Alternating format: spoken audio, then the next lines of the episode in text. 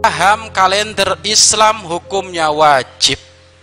Kenapa dikatakan wajib Pak Ustadz? iya karena hampir hitung-hitungan yang kamu ketemukan kehidupan di dunia ini muaranya hitung-hitungannya pakai kalender hijriah bukan pakai kalender masehi.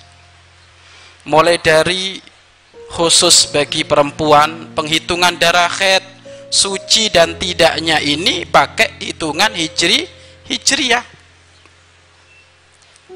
anak ini balik ataukah tidak tamyiz ataukah belum. Ini juga hitung-hitungannya adalah kalender hijri hijriah. Seseorang tertolak yakni tercerai.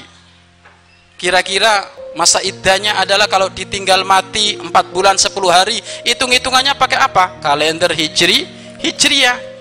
Yang kaya raya duitnya banyak usahanya sukses hitung-hitungan zakatmu bukan kalender masehi kalender hijriah.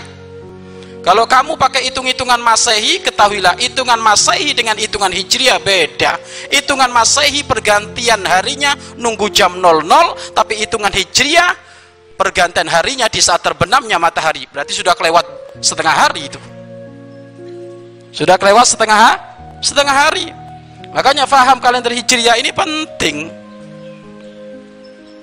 Jangan sampai penghitungan darah head, penghitungan perceraian, tak taunya setelah dihitung dengan kalender hijriah bisa kurang ataukah lebih.